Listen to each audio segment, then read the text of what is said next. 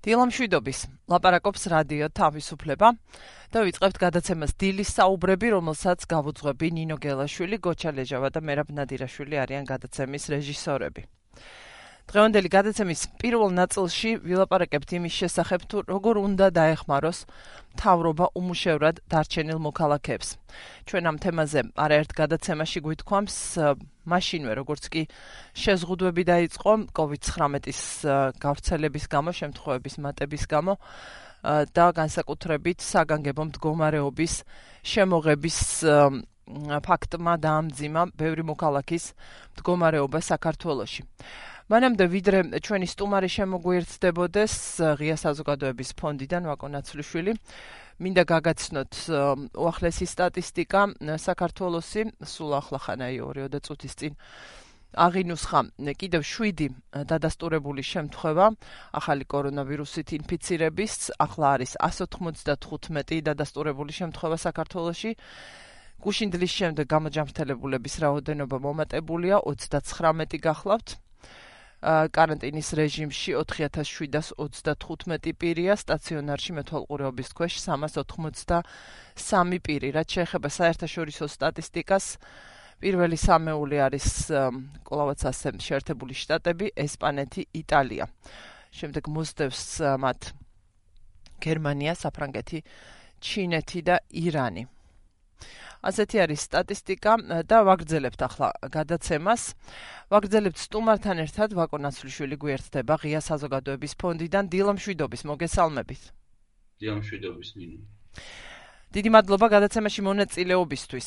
თემა, რომელზეც ღია საზოგადოების ფონდმა მოამზადა პოლიტიკის დოკუმენტი, შეეხება უმუშევრად დარჩენილების დახმარებას და ასეთი ადამიანები სხვადასხვა არის შეიძლება კატეგორიებად დაიყოს და ასეც მოიქეცით. იშველიებთ ასევე საერთაშორისო პრაქტიკას, იმიტომ რომ ეს პრობლემა და გამოწვევა ახლა აქტუალურია მთელ მსოფლიოში. და ჩვენ ამ შეზღუდვების და საგანგებო მდგომარეობის დაწყების პირველი დღიდანვე კითხებს სვამთ მეტი რა შეგვიძლია ვლაპარაკობთ ამ საკითხზე, რადგან დღეს ყოველას ყოველასთვის რთულია, ბუნებრივია ამ რეჟიმში ცხოვრება, მაგრამ განსაკუთრებით რთულია იმ ადამიანებისთვის, ვისაც ეუბნებიან დარჩის სახლში, ვინც იძულებულია დარჩეს სახლში, მაგრამ ვისაც არ აქვს საშუალება რომ თუნდაც სურსათი შეიძინოს და თავი გაიტანოს, რადგან შეუწყდა შემოსავალი განსაკუთრებით მძიმეა, ესე ვთქვათ, არაფორმალურად დასაქმებული ადამიანების მდგომარეობა, რომლებიც ყოველდღიური შრომით მოიპოვებდნენ რომ იტყვიან იმ დღის სარჩოს. და არ არაფერი გამუქება ეს არ არის, ვიცით რომ ძალიან ბევრია ასეთი პირი საქართველოში. მე მინდა თქვენ მოგცეთ საშუალება ახლა სიტუაციის ისე აღწერის როგორც ამას თქვენ და ამ პოლიტიკის დოკუმენტის თანაავტორი ანა დიაკონიძე ხედავთ. აა დიახ, ხო, ანა დიაკონიძე არის ძირითადი ავტორი ამ დოკუმენტის. უბრალოდ ცვლილი შევიტანე. აა პრინციპში არსებულ მოვითარება მაჩვენა რაოდენ დაუცველი არის დასაქმებული საქართველოში. ეს ახალი არ არის, ეს ჩვენ ვიცით წლებია რომ დასაქმებულები არც ისე სახარბიელო მდგომარეობაში არიან, თუმცა ამ მიმდინარე პანდემიამ ფართოსურად ფართო ესე იგი ახლო ხედით გვაჩვენა ამ სურათი. როგორც თქვენ თქვით, ჩვენ ვეცადეთ, რომ ამ რეკომენდაციებში მთავრობისთვის ამ შეთავაზებაში აგვერთიანებინა სხვადასხვა ჯგუფი, რომელზეც სხვადასხვა გვარად მოქმედებს მიმდინარე სიტუაცია და სამი ჯგუფი გამოყავით ასეთი ერთი გახლავთ დასაქმებულები, ვინც აგრძელებს მუშაობას, დასაქმებულები, რომლებიც მუშაობენ, რომლებიც ასრულებენ კრიტიკულად აუცილებელ შრომას საზოგადოებისთვის, ესენი იქნებიან ექთნები, ექიმები, სანიტრები თუ საცალო ვაჭრობის სფეროში დასაქმებული ადამიანები, სუპერმარკეტში მომუშავე ახალგაზრდები. და მეორე ჯგუფი აქ, რომელსაც ჩვენ შევეხეთ გახლავთ, აა არაფორმალური მშრომელები, როგორც თქვენ თქვით, ისინი კიდევ უფრო ცუდ მდგომარეობაში აღმოჩნდნენ, იმიტომ რომ ტრადიციული მშრომელებისგან განსხვავებით, რომელთაც აქვთ, ასე ვთქვათ, შრომით ხელშეკრულება, რომლებსაც რომელთაც ყავთ დამსაქმებელი, ეს ადამიანები ასეთი ტიპის დაცვის შრეების მიღმა ყოველდღიურ რეჟიმში მუშაობენ, ხშირად დღიურად გამოიმუშავებენ თავიანთ ანაზღაურებას. ასეთ ადამიანებში სპეციალისტვის რო უფრო გასაგები იყოს, გულისხმობთ ადამიანებს, რომლებსაც არ ყავთ ასეთი გამოკვეთილი დამსაქმებელი, რომლებსაც არ აქვს შრომით ხელშეკრულება, ასეთებში, ასეთებში მოვიაზრებთ ძიძებს, დამლაგებლებს, ტაქსის მსხოლებს, გარემოვაჭრეებს, ბაზრის მოვაჭრეებს და ასე შემდეგ. აა და მესამე ჯგუფი გახლავთ ტრადიციული მშრომელები, რომლებსაც სამშობლო სპეციფიკიდან გამომდინარე არ შეუძლიათ აა დისტანციურად განახორციელონ თავიანთი სამუშაო და ჩვენ ნახეთ, რომ ბევრი ბევრი ადამიანმა სამსახური დაკარგა. სხვადასხვა ფორმით მოხდა ეს, ზოგიერთ შემთხვევაში აქ ჩვენ ნახეთ გათავისუფლებები, ზოგიერთ შემთხვევაში ჩვენ ნახეთ იძულება დამსაქმებლის მხრიდან, რომ მშრომელებს დაეწერათ არაანაზღაურებადი შვებულების წერილები, რაც ხადია კანონდარღვევა. აჰა. რას ითვალისწინებს ეს დოკუმენტი, ხო? ეს დოკუმენტი ითვალისწინებს პირველ რიგში უნდა ვთქვათ, რომ საქართველოს სოციალური დაცვის სისტემა საკმაოდ მწირია და ეხლა, როდესაც ჯანდაცვის კრიზისი თანდათან გადადის შრომის ბაზრის და ეკონომიკის კრიზისში, რთული იქნება სოციალური დაცვის სისტემის არსებითი რეფორმა. ეს ალბათ უფრო იმ პერიოდის საქმეა, როდესაც ჩავლილი იქნება ეს რთული სიტუაცია. და ამიტომ ჩვენ ვეცადეთ, რომ არსებულ სოციალური და წիր სოციალური დაცვის სისტემაზე დაგვდნობით რაღაც სოციალური უსაფრთხოების ბადე შეგვეთავაზებია ამ ადამიანებისთვის. რა ეს გულისხმობს რას? ეს გულისხმობს ტრადიციული მშრომელების შემთხვევაში რომლებმაც დაკარგეს სამსახური და სახელმწიფო ფლობს ინფორმაციას თუ ვის არ ჩაერიცხა ხელფასი მაგალითად მარტის თვეში ამ ადამიანებს სახელმწიფო უნდა შეთავაზოს სოციალური დახმარების სისტემაში ჩართვა. და გასცეს ის შემწეობა, რომელსაც სახელმწიფო გასცემს სოციალურად დაუცველებს. საშუალოდ ეს გახლავთ 240 ლარი 4 სულიან ოჯახს. იქ არის ხადია დამატებები არასდროს პოვნის სკოლის შემთხვევაში ის იქ არის სხვა სერვისები რომლებიც იღარიბის სხვადასხვა ყოფ ოჯახებს ჭირდება მაგრამ არსებითი არის რომ მინიმალური ასე ვთქვათ საარსებო შემწეობა ამ ადამიანებმა მიიღო. მეორე ჯგუფი არაფორმალური როგორც ვთქვით აქ უფრო რთულად არის საქმე იმიტომ რომ სახელმწიფო ზუსტად არ ფლობს ინფორმაციას არაფორმალური მშრომელების შესახებ ამიტომ ამ პრობლემას სახელმწიფომ უნდა მიხედოს არა მხოლოდ მიზნობრივი ეგრეთ წოდებული ტარგეტირებული პოლიტიკით, არამედ ამასთან ერთად უნივერსალური ღონისძიებებით, როგორიც არის გამოსახლებების აკრძალვა თელამ პერიოდზე, როგორიც არის კომუნალურების გადავადების შესაძლებლობა, ჩვენ ნახეთ, რომ აა სახელმწიფო ზოგიერთ ოჯახს, რომელიც შედარებით ნაკლებ ელექტროენერგიას და გაზს მოიხმარს, დაუყარავს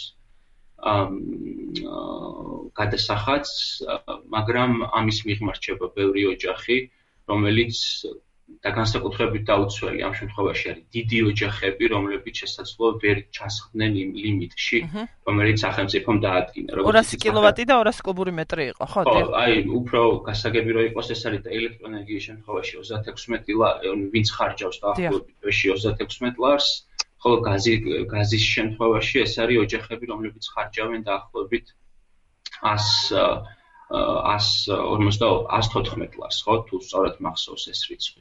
ამდენად დიდი ოჯახები და საქართველოსი იმის გამო, რომ დამოუკიდებლობის მოპოვებიდან დღემდე ქვეყანა საბინაო პოლიტიკა არ ქონია, ჩვენ ვიცით, რომ დიდი ოჯახები, როგორც წესი, დიდ დიდ ოჯახებთან გვაქვს საქმე, შესაბამისად დიდი ოჯახის შემთხვევაში, რა თქმა უნდა, მაღალი არის კომუნალურები კომუნალურების ხარჯი. ამიტომ სახელმწიფომ მათ უნდა მისცეს საშუალება, რომ გადაავადონ კომუნალური გადასახადების გადახდა. გარდა იმისა, რაც უკვე ნახეთ, გადაავადონ კომუნალურების გადახდა აი ამ კრიზისის პერიოდისთვის. აქ ასევე ლაპარაკი არის იმაზე, რომ შეჩი ესე იგი ის რაც ბანკებმა გააკეთეს, ხომ სულმა ბანკებმა როცა გადაავადეს სესხების გადახდა იქ ცხადია იყო პრობლემები, მაგრამ ამაზე არ შევჩერდები, ეს უნდა გავრცელდეს ასევე სხვა ტიპის მიკროსაფინანსო ორგანიზაციებზე და სხვა შედარებით წვრილ საფინანსო ორგანიზაციებზე, რომლებიც ამ დრომდე მოქალაქეებისგან სესხის ამოღება ცდილობ. და ასევე ძანეთ რომ არ შეჩერდებით ზუსტად ერთი წინადადებით შევჩერდები ამაზე, უნდა უზრუნველყოს ყველა საფინანსო ორგანიზაციამ რომ ეს გადავადება იყოს მომხმარებლის თანხმობით და ეს იყოს ესე ვთქვათ დადასტურებული თანხმობა. ეს არის მნიშვნელოვანი, მოკლედ ვიტყვი მხოლოდ და მომავალში ჩვენ ამ თემას შევეხებით. მოგვიწევს. დილა მსმენელია ხაზე, მაგრამ დაასრულეთ და შემდეგ გავაგრძელებ. დიახ.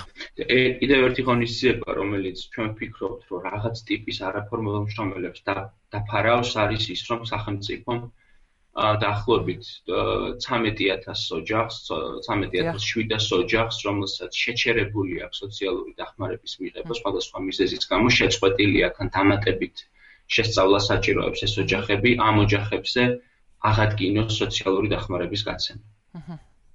ვაკო ნაცვლიშვილია ჩვენი სტუმარი ღია საზოგადოების ფონდიდან და ჩვენ გვაქვს ზარი 2988 327-ია ჩვენი საეთერო ნომერი დილომშვიდობის თქვენ გისმენთ გამარჯობა კაპიტანი ნინო მივესალმებ სტუმარს ჩვენს რადიოს მენელებს რამდენიმე კითხვა მექნება. ბრძანეთ. პირველი რატომ არ შეიძლება რომ სახელმწიფო მე ხა უყურებ რომ სახელმწიფო საკმაოდ აგვიანებს იმიტომ რომ სახეზე არის ის საშიშროება რომ შეიქმნას ეკონომიკური კრიზისი რატომ არ შეიძლება რომ სახელმწიფომ დაიწყოს მუშაობა ფერმერებთან ან ვინც სოფლებში წავიდა ეხლა და კაცმა არ იცის რამდენი ხანი დარჩებიან რომ მათ მიცეს კრედიტები ბანკების მეშვეობით რომ მათ დაიწყონ სასოფლო სამეურნეო მიწების დამუშავება, ან იჯარით აიღონ, ან რაღაცა გააკეთონ, ან მიეხმარონ, ან გვენჩი დაუდგენ ვიღაცას ხომ აქვს ახლა იქ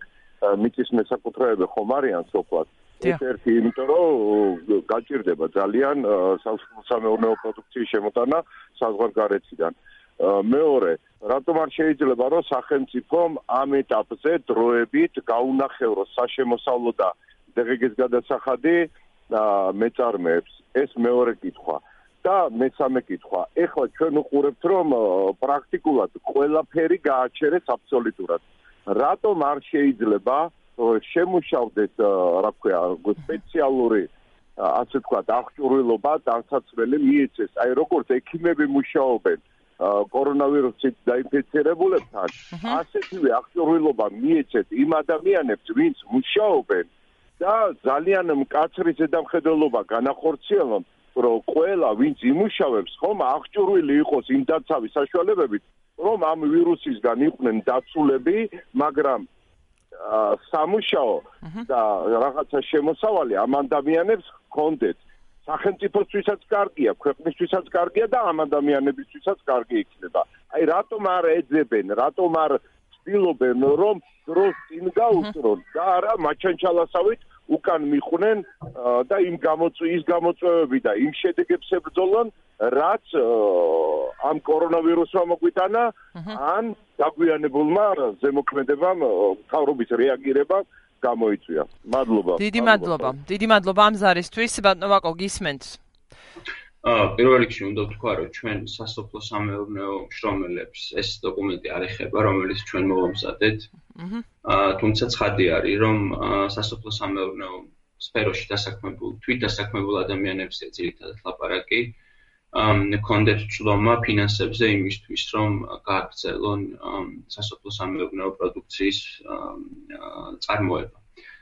რაც შეეხება მცირე ბიზნესს, ჩვენ დოკუმენტში გვაქვს მცირე ბიზნესი, მცირე და საშუალო ბიზნესის დახმარებაც, ხელფასის დოტაცია, ასე ვთქვათ, მცირე ბიზნესის და მცირე და საშუალო ბიზნესის თანამშრომლებისთვის სახელმწიფომ ბევრმა ქვეყანამ ეს გააკეთა, როდესაც შეთავაზა და საქმე იმისთვის, რომ შეენარჩუნებინა სამუშაო ადგილების შეთავაზა მცირე და საშუალო ბიზნეს ხელფასის დოტაცია თანამშრომლებისთვის. ეს სხვადასხვა ქვეყანაში სხვადასხვანაირად მოხდა. ზოგიერთ შემთხვევაში ადგილი ჰქონდა აა დებულებას, რომ ყველა ყველა ასეთ მცირე და საშუალო ბიზნეს უნდა დაედასტურებინა შემოსავლების მნიშვნელოვანი კლება იმისთვის, რომ ჩართულიყო ამ სქემაში და თუ დაადასტურებდა ამ სქემას, სახელმწიფო უფარ უფარავს ხელფასების 50%-ს, ანუ თითოეული თანამშრომლის 50%-ს სახელმწიფო იხდის. ჩვენ ეს რეკომენდაციაც გავითვალისწინეთ, რომელიც არ არის უშუალოდ ამ საქმე დასაქმებულებზე მიმართული შეიძლება ეს იყოს ცირე და საშუალო ბიზნესის მხარდაჭერის, საოჯახო მეურნეობების მხარდაჭერის ღონისძიება და თქვენს მსმენელს ვეთანხმები, რომ მნიშვნელოვანია დაბალ პროცენტიან კრედიტზე ან და გრანტებზე ჭრომა ასეთი ადამიანების აა მხრიდან. და მან ასევე ახსენა და ჩვენ ამ თემებს მიუბრუნდებით მე მესმის რომ ეს უშუალოდ არ ეხება თქვენს ასე ვთქვათ პოლიტიკის დოკუმენტს და უმუშევრად დარჩენილების თვის დახმარების გაწევას მაგრამ დიდი მადლობა მსმენელს ამ შეკითხვებისთვის მან ასევე გადასახადების დაწევაზე. ილაპარაკა და იმაზე რომ შეძლების დაგვარად მეტი მეტი აქტივობა იყოს ეკონომიკაში. რაც შესაძლებელია ის რომ მუშაობდეს და ეს მნიშვნელოვანია და თქვა ასევე დაყოვნებაზე გარკვეული ნაბიჯების და პროცესების პროცესების რაც სახეზე არის, იმიტომ რომ ჩვენ გვეუბნებიან სულ რომ რაღაც პროცესი მიმდინარეობს, არის ფრაგმენტული ინიციატივები ჩვენ ამაზე ვილაპარაკეთ არაერთხელ და კიდევ მიუბრუნდებით, ეს ძალიან მნიშვნელოვანია ყველა ჩვენგანისთვის და მსმენელი ყავს. კიდე მე უბრალოდ მაინტერესებს ვიდრე შემოვიყვან თქვენ ბრძანებთ აი მაგალითად ხელფასების დოტაციაზე, ბრძანებთ დახმარებაზე, მინიმუმის შეთავაზებაზე. ბევრმა გააკეთაო აღნიშნავთ. აქვს თუ არა მნიშვნელობა რადგან საერთაშორისო კონტექსტზეც ვლაპარაკობთ ეკონომიკის მდგომარეობას მასშტაბს შესაძლებლობებს? რა თქმა უნდა აქვს მნიშვნელობა. და დათვლილი გაქვთ რომ ეს არის შესაძლებელი იმიტომ რომ მხოლოდ ეს ხომ არ არის დღეს ხარჯი.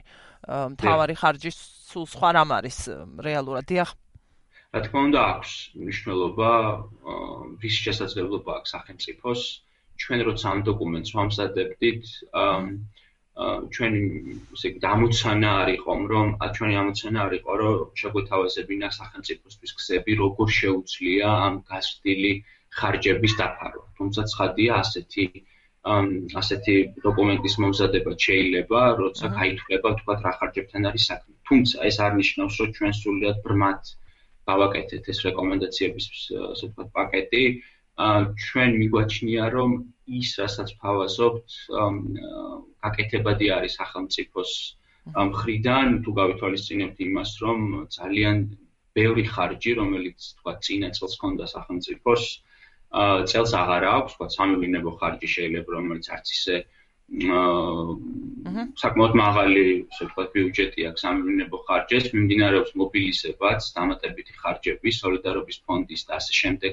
საშუალებით და ასევე არსებობს საერთაშორისო დახმარების პოტენციალი. ხო, უკვე ლაპარაკობენ, რომ სხვადასხვა საერთაშორისო ფონდი სესხლის თუ გრანტის სახით სახელმწიფოს დაეხმარება. უბრალოდ ყოველთვის, როცა ჩვენ ერთი რაღაც ალბათ ასევე უნდა ვთქვათ, როდესაც ჩვენ ვლაპარაკობთ აა სოციალურ დაცვაზე ხშირად არის კითხვა, რომ კი, კარგია, მაგრამ რა დაუჭდება ეს სახელმწიფოს? ეს ხშირად ისმის ყოველთვის, როდესაც ლაპარაკი არის უკეთეს სოციალური უსაფრთხოების სისტემაზე.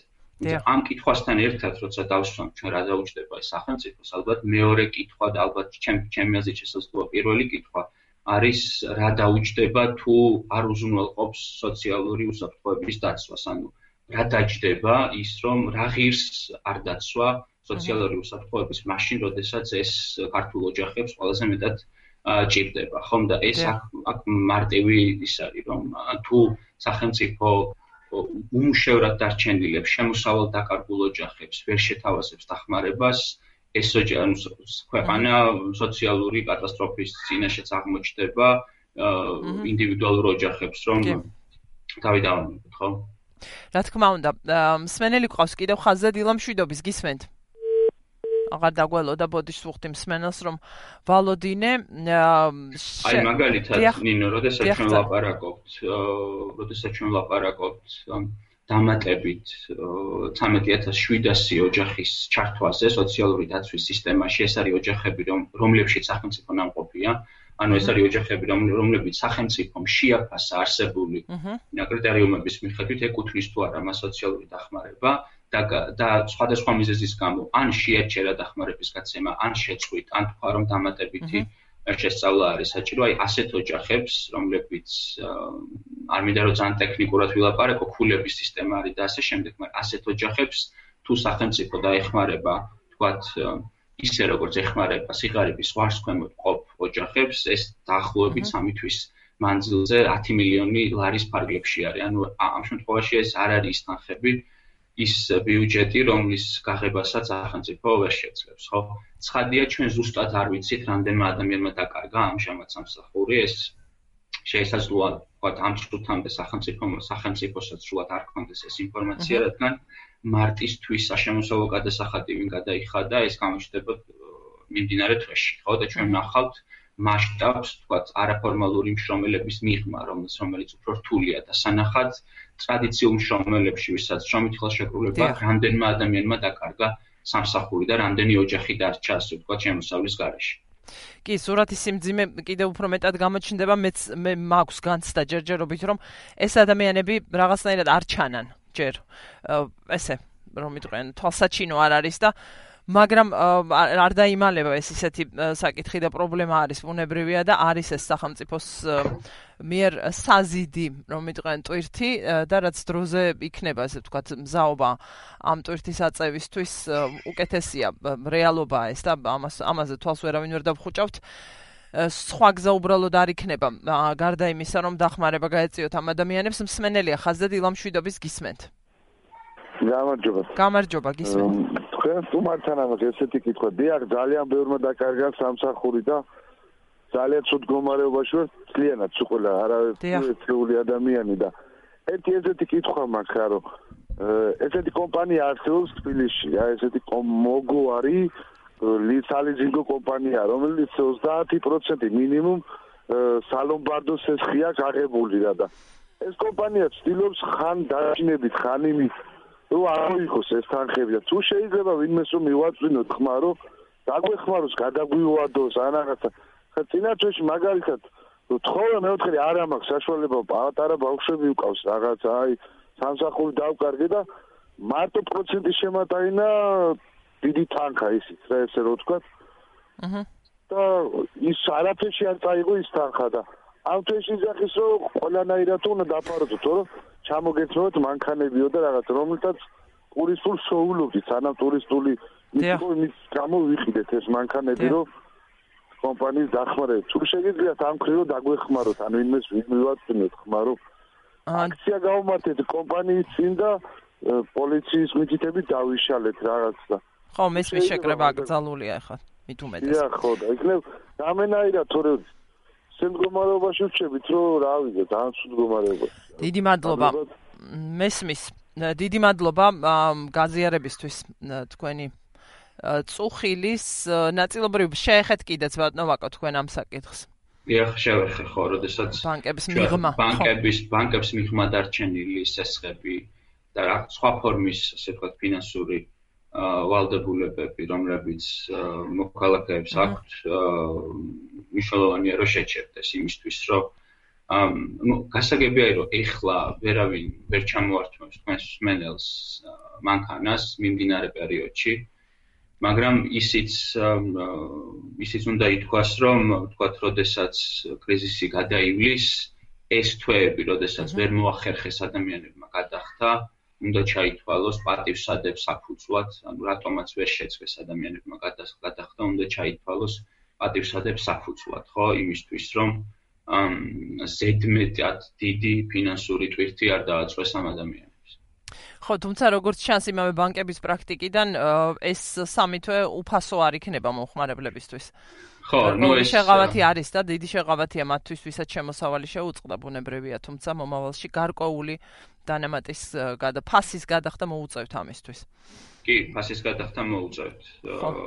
და ეს პრინციპში დიდად გასაკვირი არ არის ჩვენი საბანკო სექტორისგან, რომელიც ასე ვთქვათ, საკმაოდ მაღალი მოგების ნიშით მუშაობს, ხო?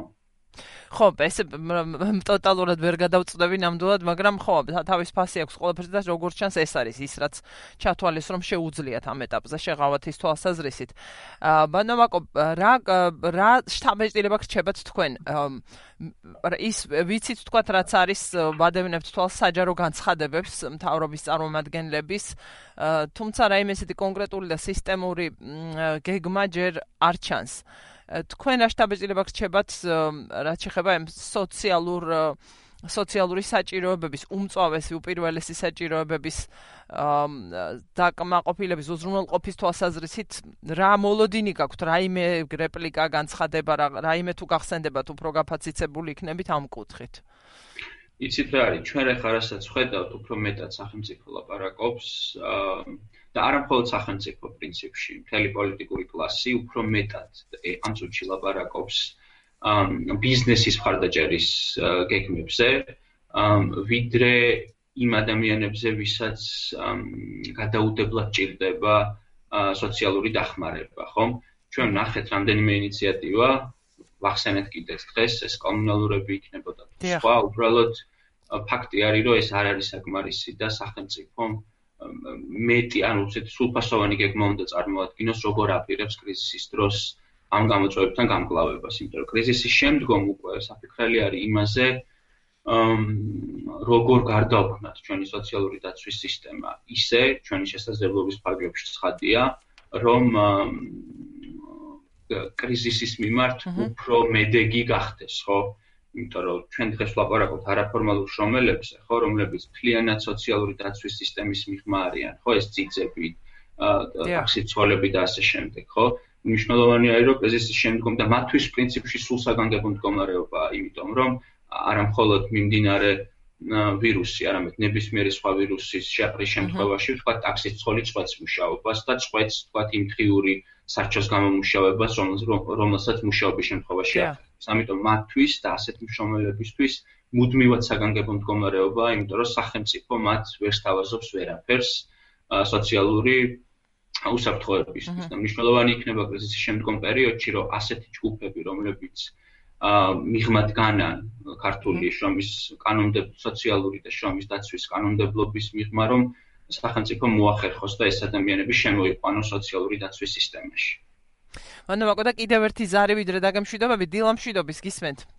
სალმების ხალბატონინო მიერესალმება. მაგრამ ასეთი კითხვა მაგაი მე რაც პირადად ძალიან მაწუხებს.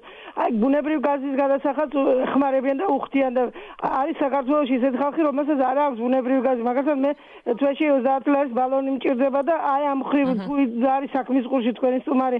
მეორე საკითხი აი ვერ დარეგული ვინ დაკარგა სამუშაო.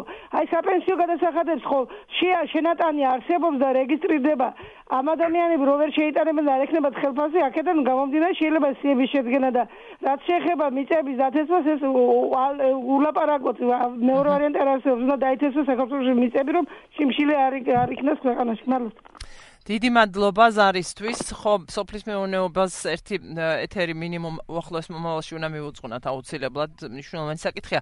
გისმენთ ბატონო, თუ გაქვთ რაიმე პასუხი სმენელისთვის? აა სხვა ტიპის ხარჯი მაქვს არა ბუნებრივ თქვათ არა ეს ბალონის გასხმა კი სწორედ ამას გულისხმობდი როცა ვთქვი რომ ეს დახმარება მიუხედავად იმისა რომ მნიშვნელოვანია სრულად ქართულ ოჯახების ფართოს ფართო სპექტრს ვერ ფარავს. თქვენ მოსმენელმა ახსენა რომ თქვათ გაზის ნაცვლად ელექტროენერგიას იყენებს ან გასულ თქვათ გაზის ბალონი ხო რომ გასათბობად და სხვა საჭიროებებისთვის, ხო? არსებული სისტემა რაც არის, ამ თავისებურებას არ ითვალისწინებს. ასევე არ ითვალისწინებს დიდი ოჯახების საჭიროებას, რომელიც რომელსაც შესაძლოა ელექტროენერგია უფრო მეტი კონდეს გადასახდელი, მაგრამ გაზი უფრო ნაკლები.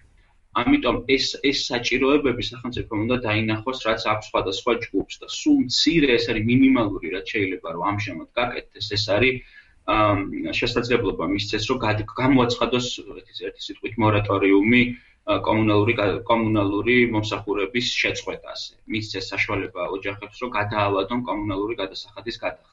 რაც შეეხება ერთი რეკომენდაცია, რომელიც ჩვენ ასევე გვაქვს ამ დოკუმენტში, ცხადია, რომ ჩვენ არ ქონია პრეტენზია, რომ ჩვენ რა თქმა უნდა გვინდოდა რომ ფართო სპექტრი მოგვეცვა შრომელების, მაგრამ რა თქმა უნდა ვითვალისწინებთ იმას, რომ ვერ მოვიცავთ ყველა ტიპის დაუცველ დაუცველ ჯგუფს. ამიტომ ამ შემთხვევაში ადგილობრივი თვითმმართველობის ორგანოებმა, რომლებსაც უფრო მეტად იციან, ხო, რა რა პრობლემები აქვს სხვადასხვა ოჯახს, ისინი უნდა ჩაერთონ სხვადასხვა დახმარების პაკეტით. ხო, აი თქვა სოფლის დონეზე, სოფლის გამგებლები, როგორც წესი, იცნობენ თავიანთ სოფელში არსებულ სოციალურ მდგომარეობას. ხო, урბანულ დასახლებებში ჩვენ გვაქვს ამხანაგობები, რომლებიც ზოგიერთ შემთხვევაში საკმაოდ ქმედითად მუშაობს. სხვა ამ ხანაგობებთან და სოფლის გამგებლებთან და ქალაქის დონეზე რა თქმა უნდა თვითმართველობის ჩართულობით უნდა ეს საჭიროებები სახელმწიფომ უნდა გამოიკულიოს. ხო ჩვენ ვიცით რომ საჯარო სექტორი მუშაობას აგრძელებს.